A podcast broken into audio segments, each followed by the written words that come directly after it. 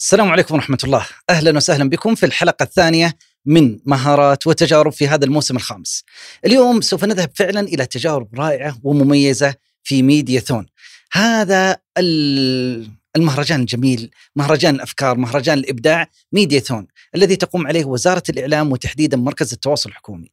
اجتمع فيه أكثر من 770 فكرة إعلامية إبداعية. تم اختيار عشرة منها كأفكار مميزة بعد أن مرت بعد أن مرت بكثير من الفلاتر ولجان التحكيم حتى فازت. هنا يأتي تطبيق المهارات، إحنا نقول يا ناس طبقوا مهاراتكم اللي أخذتوها.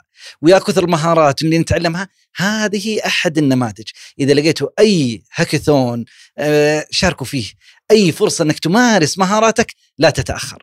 اليوم قلنا خلونا نأتي إلى هذا المكان ونعيش معكم هذه التجربة الجميلة. ونلتقي ببعض الفائزين وبعض آه، الزملاء والزميلات الذين شاركوا في هذا الهاكاثون ونسمع منهم أكثر. خلونا نبدأ مع هذه اللقاءات. حياك الله أستاذ علي. الله يحييك يا هلا حابين اليوم نتحدث عن مهارة التحليل وحل المشكلات. ممتاز. إيش تقصد بالتحليل وحل المشكلات؟ التحليل هو يعني معرفة جذور المشكلة. يعني أنا لما أواقف أو أواجه موقف معين. كيف أقدر أفصل هذا الموقف أو أحلل هذه المشكلة وأعرف جذورها حتى أستطيع أني أخرج في حل صحيح يلائم المشكلة وما يكون أيضا الحل يعني نوعا ما آه، خارج عن المنطقية خارج عن القابليه للتنفيذ يكون حل قابل للقياس وحل يعني آه، مقنع لي أنا شخصيا وأيضا للجمهور أو الفئة المستهدفة. هذه باختصار مهارة التحليل. التحليل نقصد فيه إنه يكون يعني كيف كيف يعني يكون تحليلك شامل. ما يكون تحليلك فقط لنفسك بل تحليل بمعنى الشمولية. جميع الزوايا. من, من جميع الزوايا أحلل الفئة المستهدفة أحلل المشكلة أحلل امكانياتي أنا هل أنا قادر على تنفيذ هذا الحل ولا لا وأيضا هل أصلا في مشكلة ولا أنا بس قاعد وين مكان من المشكلة؟ وين مكان من المشكلة؟ مشكلة إذا قد يكون الموضوع. نعم قد يكون ممكن ما في مشكلة، قد يكون ممكن ممكن كل أنظاري وأنظار الزملاء اللي معي في فريق العمل متجهة نحو اتجاه معين والمشكلة في في في اتجاه آخر. يعني هذه يمكن من المواقف اللي إحنا كثير نواجهها. طيب الناس اللي عندهم ما شاء الله مهارة تحليل التحليل وحل المشاكل. صحيح. كيف قاعد يستفيدون منها في حياتهم؟ كيف شخصياتهم؟ هذول على طول من يوم ما تجي عند المشكلة طق وحلها؟ هو الشخص اللي يبحث دائما عن أبسط الحلول وأكثرها يعني آه، واقعية وأكثرها منطقية. يستفيد منها في حياته الشخصية يستفيد منها في حياته العملية يستفيد منها في في في في حياته المهنية. يستفيد منها حتى في اتخاذ القرارات. يعني تحليل المشكلة دائما يساعدك على اتخاذ القرار الصحيح. يعني أذكر من المواقف اللي مرت علي مثلا واحد من الزملاء قبل فترة معلم فواجه مثلا طلابه في مادة الرياضيات يعني آه، عندهم مشكلة دائما في في استيعاب المعلومات استيعاب المهارات الرياضية. فعلى طول فكر في حل منهج معياري موجود في جامعات عالمية هارفرد وكذا وقال هذا بجيب المنهج هو اللي راح يحل لي المشكلة. أيوة. اكتشف إنه المنهج هذا يرتبط في وسائل تعليمية متقدمة وما هي موجودة راح اشترى الوسائل التعليمية تخسر مبالغ مالية. ولما نفذها وجابها اكتشف إنه ما ما صار في فرق ما زالت المشكلة قائمة. والسبب؟ السبب سلمك الله إنه لما حللنا عرفنا إن الطلاب ذولي اللي هو مستهدفهم طلاب ذولي من أسر متواضعة فالأسر هذول يعني أو الطلاب ذولي لما يجون المدرسة ما يكونوا أفطروا. الصبح والحصة تكون بدري. فكل اللي يحتاجه ترى فقط إنه الطلاب يفطرون فقط. يعني هو لاحظ أصلا من قبل إنه بعد الح... بعد الفسحة أمور الطلاب ممتازة. إي يستوعبون وكل شيء تمام. أحيانا أنت تفكر في حل حل يعني يكون أو المشكلة نفسها تكون غير المشكلة الأساسية. بما إنه ما زلنا في عالم الخبرات والتجارب والأمثلة اللي ذكرتها أبغى نستعرض فكرتك التي قدمتها في ميدياثون كايضا نموذج آخر لحل بعض المشاكل. ممتاز، طبعا الفكرة اللي إحنا نتكلم عنها فكرة منصة سينك، هذه الفكرة ترى يعني ولدت يمكن في عام 2015 حاجة زي كذا تقريبا لها سبع سنوات ولكن مرت في process طويلة من المراجعات حتى وصلنا إلى يعني أو خلينا نقول تبلورت الفكرة فعلا خلال الميدياثون خلال, خلال هالفترة ما في أحد قد طلعها؟ مو ما حطلعها. يعني شوف هذه كمان من الأشياء اللي إحنا نواجهها أحيانا في مشكلة أو في حل المشكلات. كثير من الناس يبغى يجيب لك حل ما حد سبقه فيه. أو يبي يجيب حل يعني زي ما تقول يحل مشكلة العالم. وهذا مش صحيح. أحيانا ممكن أنت تطلع في منصة تجمع حلول مختلفة متفرقة يكون هذا هو الحل. إنك توفر يعني أدوات لشخص معين آه، من مختلف القنوات. يعني إحنا في سنك مثلا إيش نسوي؟ إحنا مشكلتنا في التواصل الدولي. عندنا مشكلة في الإعلام في في توصيل الإعلام للمجتمع الدولي. أحيانا مشت... الإعلام تبعنا والمحتوى الاعلامي مرتبط في يعني المجتمع المحلي، لكن كيف نوصله للمجتمع الدولي؟ في عندنا نوعا ما فجوة. فحاولنا نحلل وندرس سوق الإعلام ونشوف إيش اللي قاعد يصير، اكتشفنا إنه أكثر الناس الإعلاميين اللي سألناهم والناس اللي قابلناهم في مشاكل مرتبطة إما الناس اللي قائمين على يعني إدارات الإعلام غير متخصصين في الإعلام ويحتاجوا أحد يساعدهم، أو في مشكلة في الترجمة، أو اللغة يعني حتى عنده مشكلة في موثوقية المحتوى يقول لك أنا خلي محتواي عندي ما أبغى يطلع للناس ثم أجيب العيد.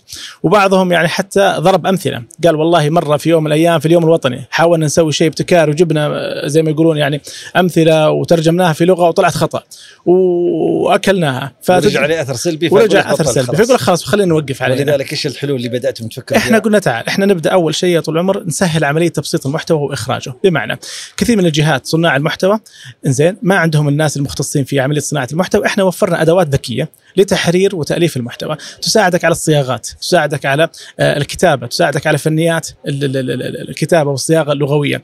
آه، مثلا دشنت جامعة كذا تقول لك لا الجامعة تدشن أو معالي رئيس الجامعة يدشن.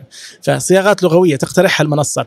آه، ما تعرف هو الشخص هذا هو صاحب سعادة ولا صاحب معالي اسم الهيئة إيش اسم المكان. كلها معلومات تسجل سابقا كلها معلومات من أرشيف موجود سابقا ثم يبتكر هو المقترحات لك. طيب الإخراج. كثير من الجهات يقول لك أنا ما عندي ملاءة مالية حتى أصمم يعني انفوجرافيك ولا أصمم يعني مونتاج فيديوهات. المنصة نفسها فيها قوالب. جاهزة أنت باستطاعتك تعدل عليها وتخرج الإنفوجرافيك اللي أنت تبغاه. في شكل بسيط جدا وما يحتاج إنك تكون مصمم ولا كذا. وأيضا القوالب هذه تحدث بشكل مستمر. يعني حتى أنت تقدر تشوف القالب كم مرة استخدم قبل كذا عشان تطلع في يعني محتوى نعم. ابتكاري مش كمان تقليدي. طيب الترجمة. إحنا موجود في المنصة مركز ترجمة freelancers مترجمين ندفع لهم فلوس ويترجم لك بشكل موثوق وبشكل آمن حتى ما تتسرب المعلومات تبعك. بالإضافة طبعا لل translation engine روحانيه ترجمات ترجمات جوجل وغيرها. لا. هذه تجيب العيد في بعض الأحيان. لأنه اللغة العربية فيها بلاغة. إحنا مشكلتنا في اللغة أنا يمكن دخلت في تخصص ولا إيجابية؟ آه هي إيجابية جدا ايجابيه يعني أنا آه، خلينا نقول نسميها تحدي. من زاوية اي من زاوية خلينا المشروع؟ اي خلينا نسميها تحدي. أو إحنا شفناها فرصة بصراحة. اللغة العربية فيها بلاغة. يعني هذه يمكن اللي يميزها عن اللغات الأخرى. نتكلم بحكم تخصصي في ال cryptology ال cryptology هو علم البلاغة يعني علم استخدام البلاغة في إقناع الناس.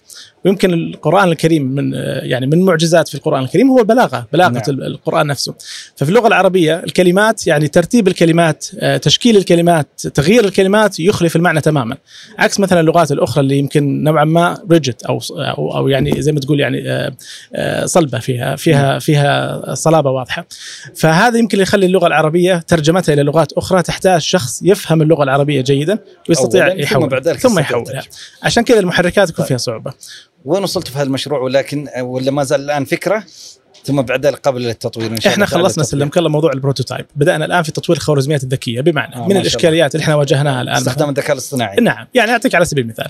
إحنا لما نتكلم عن منصات الإعلام الدولي طيب أنا أبغى أوصل المحتوى تبعي للعالم الخارجي للمجتمع الدولي. سوينا دراسة بسيطة اكتشفنا إنه أكثر منصة تستخدم حاليا في المجتمع الدولي هي الفيسبوك.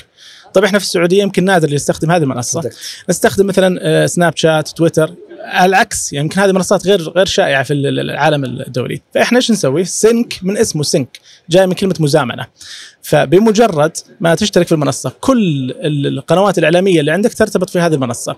أول ما تنزل محتوى إعلامي وتكبس على زر sync كل المحتوى يتم بثه بنفس الشكل أو نفس الزمن على كل المنصات هذه بالذائقة اللي يعني تتلائم مع طبيعة المستخدمين. يا سلام عليك. يا سلام. طيب والله ما شاء الله تبارك الله فالكم التوفيق. الله يجزاكم الخير وإن شاء الله تعالى نراها على على النور قريبا. إن شاء الله. لا تنسوا كلمة سنك لأن راح تسمعوها كثير إن شاء الله. بإذن الله تعالى. وإن شاء الله تعالى بعدين نقدر نوصل لك وأنت كذا سي أو كبير قد الدنيا. يا رب. نسق معكم إن شاء الله تعالى بالعكس الله يحييكم. طيب أخوي علي في نهاية هذا اللقاء كلمة أخيرة عن حل المشكلات. والله شوف أنا يمكن من أثناء جلستي حتى مع الزملاء قبل في خلال الميدياثون يعني قبل الإلقاء كثير من الناس حصلت إنه عندهم أفكار جميلة ولكن تفاجأت فيها دائما إنه بعضهم يخاف يعتقد إنه الحل اللي اللي اللي, عنده آه، طرح سابقا أو أحد يعني سبقه في هذا الفكرة. فأنا دائما أقول إنه يعني يعني المجال يتسع للجميع يعني لا تخاف يعني حقق أهدافك واشتغل عليها حتى لو أحد ثاني سبقك في هذه الفكرة أو سبقك في هذا الهدف ما زال عندك مساحة للتطوير ما زال عندك يعني مساحة لتحسين هذه الفكرة. واعرف إنه هذه الفكرة هي يعني آه، حلمك وحلمك عبارة عن طفلك الوليد. ما في أحد يسمح إنه طفله يعني يقتل أو إنه أحد يعني يقلل من شأن هذه الفكرة أو هذا الطفل. فحاول تطور فيها ولا تسمح لأحد يعني إنه يقلل آه، من حجمك وإمكانياتك أو إنه يعني ينتقص من هذه الفكرة أو يدعي إنه والله ممكن أحد آخر سبقك فيها أو إنه عنده إمكانيات يطورها بشكل افضل يعطيك ألف عافية الله يعافيك لك لحضورك وفالك الله يجزاكم الخير الله. الله يجزاكم بالخير. شكرا لكم. تسلم بعد ما مرينا على مهارة تحليل وحل المشكلات خلونا ننتقل إلى حاجة من أساسيات المهارات وهي تعتبر واحدة من العادات السبع للشخصية الأكثر نجاحا اللي ذكرها صاحب الكتاب الشهير العادات السبع للشخصية الأكثر نجاحا. ولذلك بالمناسبة أحد الكتب الجميلة التي أنصح بقراءتها. العادة الثانية هي عادة المبادرة. إحدى الزميلات تحدثت عنها وعن تجربتها مع مهارة المبادرة. معنا فدوى عبد الله المطيري، حياك الله أستاذ فدوى. حياك الله أستاذ ماجد. يعني إيش المبادرة؟ المبادرة هي أن تاخذي خطوة للأمام عشان تنجح بالشيء اللي أنت ترغب فيه. لا تنتظر أحد مثلا يجي يسألك أنت بادر باللي أنت ترغب فيه وبتفتح المبادرة راح تفتح لك أبواب بإذن الله. يا سلام.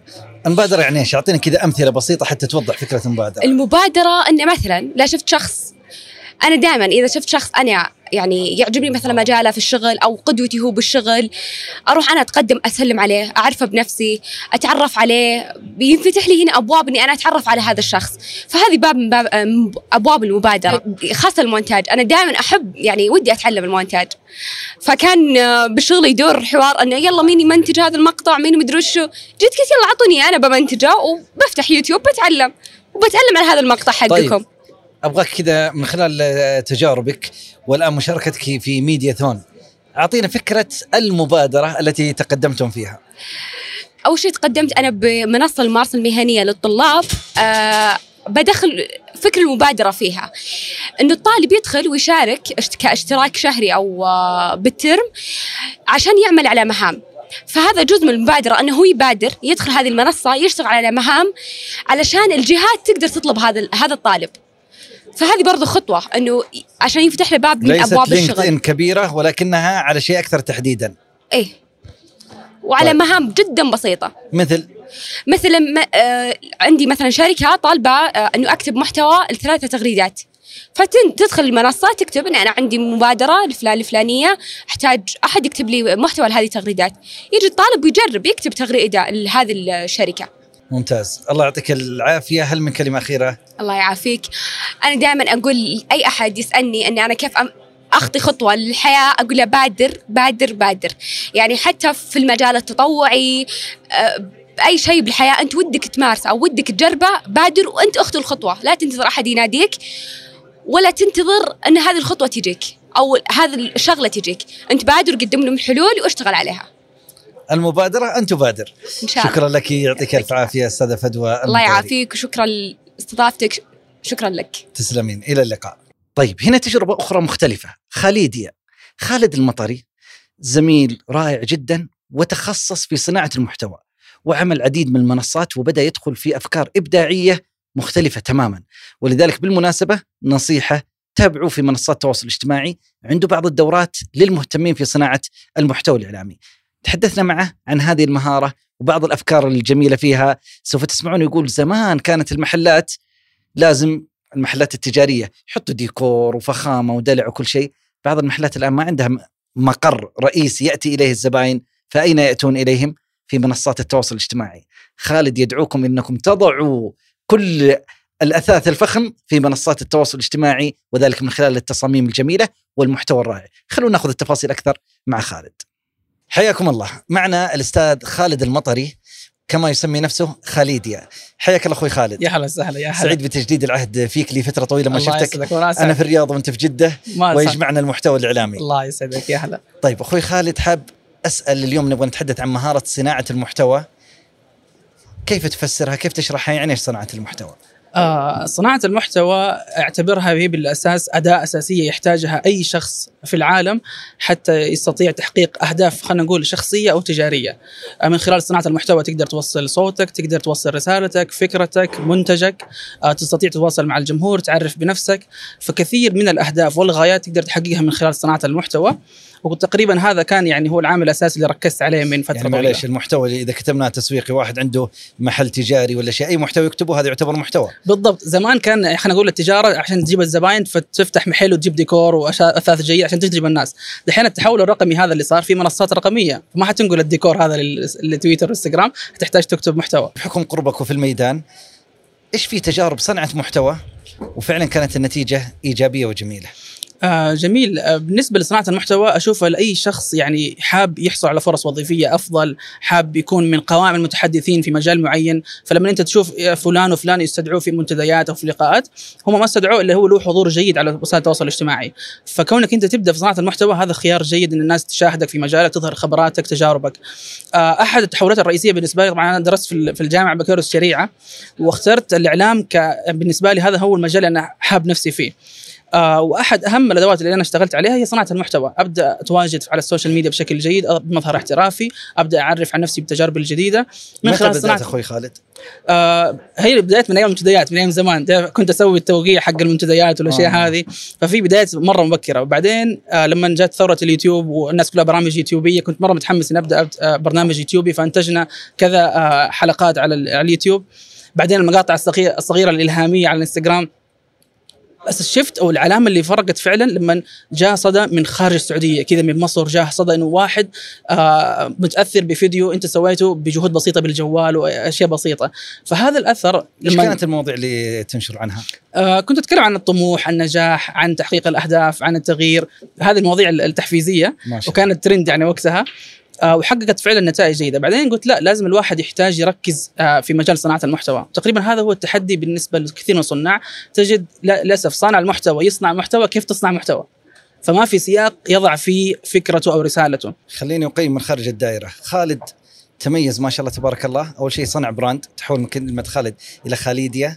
رقم اثنين ركز. بالضبط. انت عندك مفهوم التركيز عالي ركز على صناع المحتوى وكيف يصنعوا المحتوى وصرت تقدم دورات لا وبعض الأحيان دورات شخصية. بالضبط. تبغى دورة لك لوحدك. اشرح لي هذه أكثر. آه أكثر حاجة ساعدني على إني أكتشف فعلا إيش إيش مجال تركيزي إني أعرف إيش هو دوري الأساسي. خالد إيش إيش, إيش بيقدم إيش نقطة قوته يستطيع من خلالها توظيف كل مهاراته فيها. فكان آه أسلوب التدريب بالنسبة لي هو أكثر حاجة أقدر أعطي فيها. وحضرت لك دورة سابقة في صناعه المحتوى فأنت من دخلنا المجال.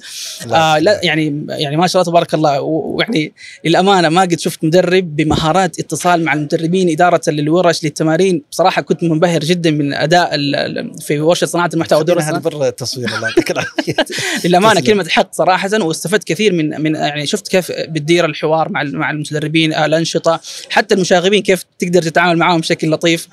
آه هذه الأشياء أنا شايف نفسي يعني أقدر أعطي فيها كمدرب.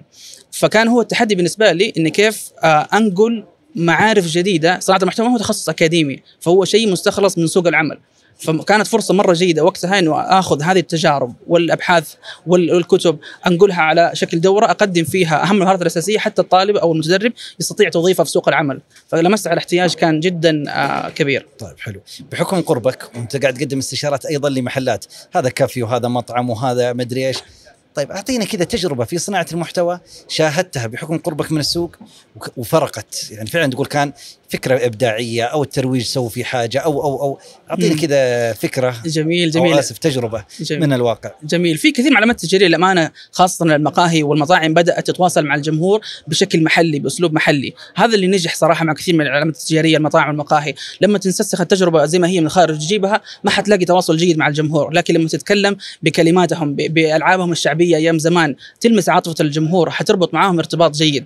مثلا في بعض المقاهي ركزت على عنصر تعريف ال staff أو طاقم العمل داخل المقهى عرفوا بيهم على ال social media. فالجمهور الآن لما يشوف الشخص أو صاحب محضر القهوة والباريستا لما يشوف على ال social media يتعرف مثلا إيش يدلعوه إيش درس تخصص. معلومات لطيفة. أنا كمتابع للحساب أتحمس إني أروح لهذا المكان أقابل هذا الشخص بدل ما الاستخدام السائد استخدام تجاري. هذه القهوة ب 10 هذه القهوة ب 20 هذا يسمونه أنسنة المنتج. بالضبط. أن تعطيه صفات الإنسان وتخلي فيه روابط إنسانية مع العاملين بالضبط. مع المكان بالضبط. مع كل شيء. شاهدنا حتى كثير على حتى قطاعات مختلفة. صار حتى أحيانا البيان الرسمي والتصريح والخطاب ما صار يجدي نفعا في الاعتذار. صار لا آه المسؤول يطلع ويصور فيديو عفوي يظهر فيه ويعتذر ويوضح إيش الخطأ اللي صار. ففي تواصل إنساني جيد.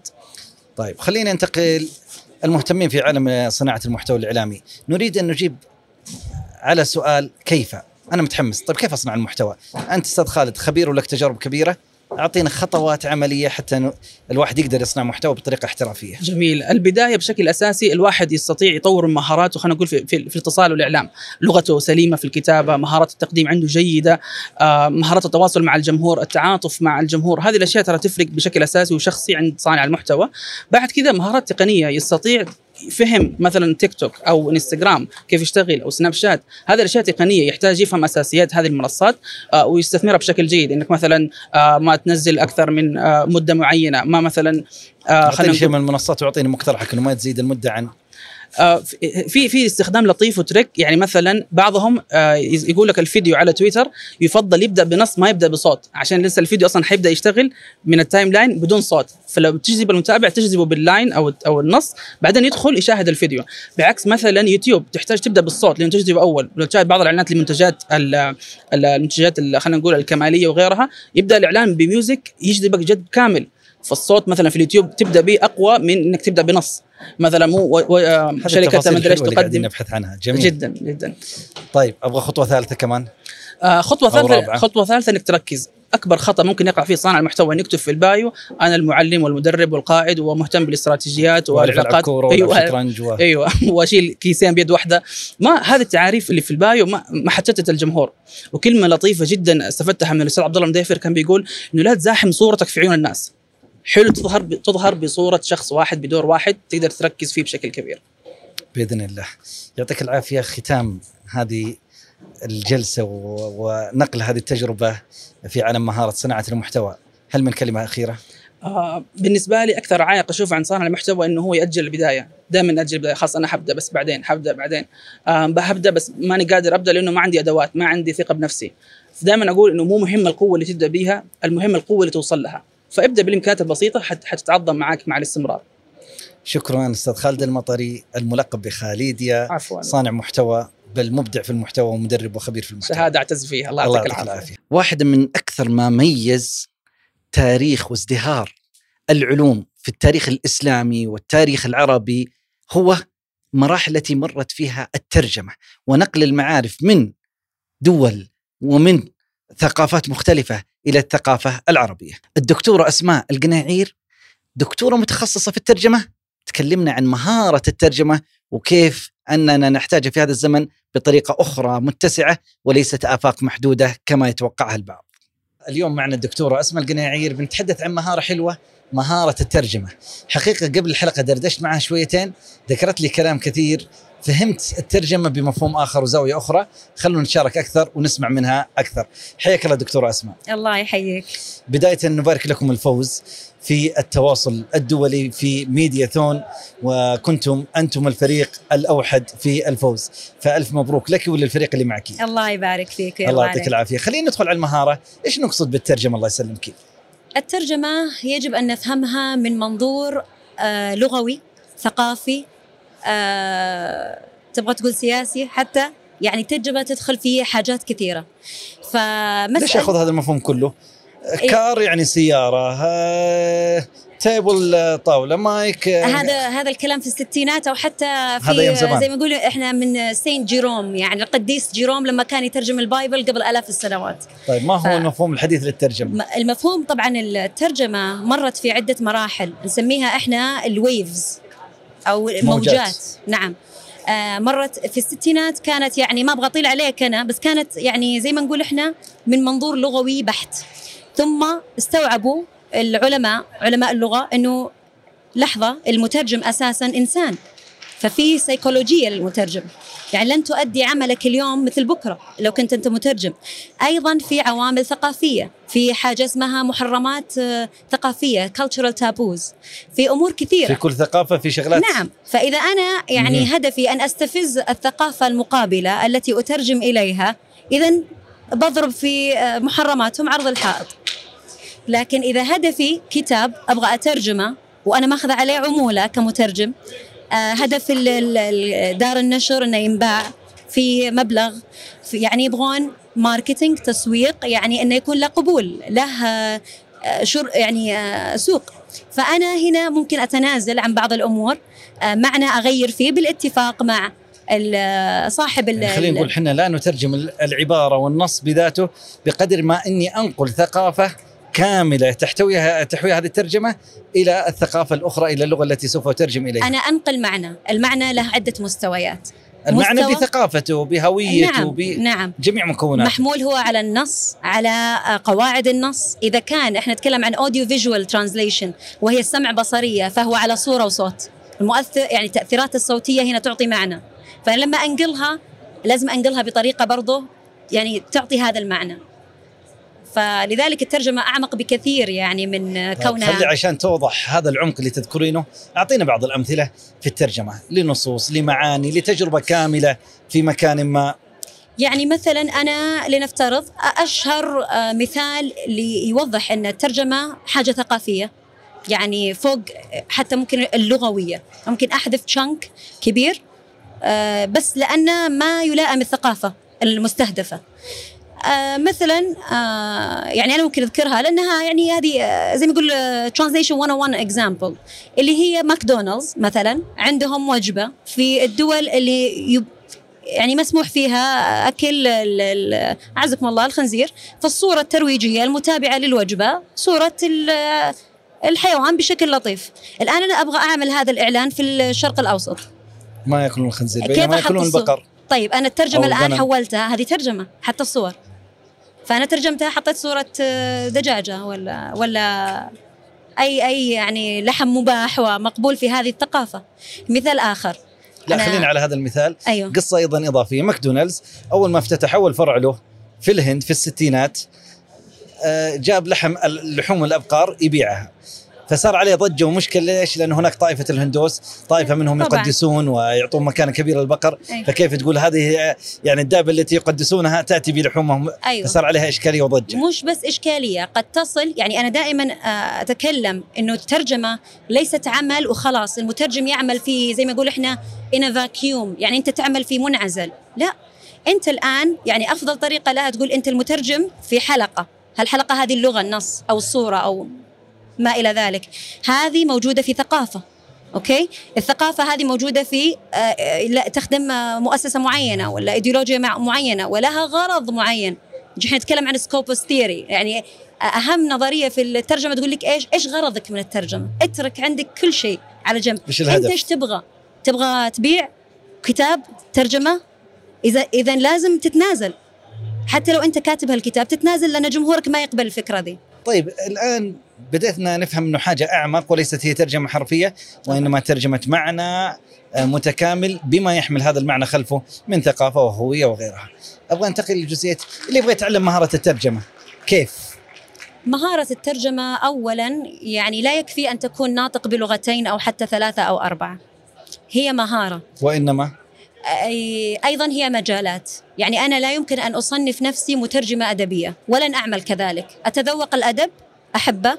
لكن لن أعمل كمترجمة أدبية لأنها آه، قريحة زي ما هي عند ال- الكاتب العربي أو الفرنسي أو الإنجليزي هي برضو لازم تكون موجودة ترجمة الشعر كيف يكون؟ هل لازم يكون أيضا موزون ومقفى؟ فلذلك المترجم؟ لازم يكون شاعر. طيب ما هو غرضك؟ نجي الآن للغرض هل أنت في حاجة اسمها الشكل و the form and the content الشكل اللي يندرج والمضمون. تحته أيوة اللي يندرج تحته الوزن القافية آه، بحر الشعر إيش هذا؟ مم. أوكي؟ آه، نيجي الآن في آه، المضمون. الآن أنت في آه، في استراتيجيات وتقنيات للترجمة لن نخوض فيها.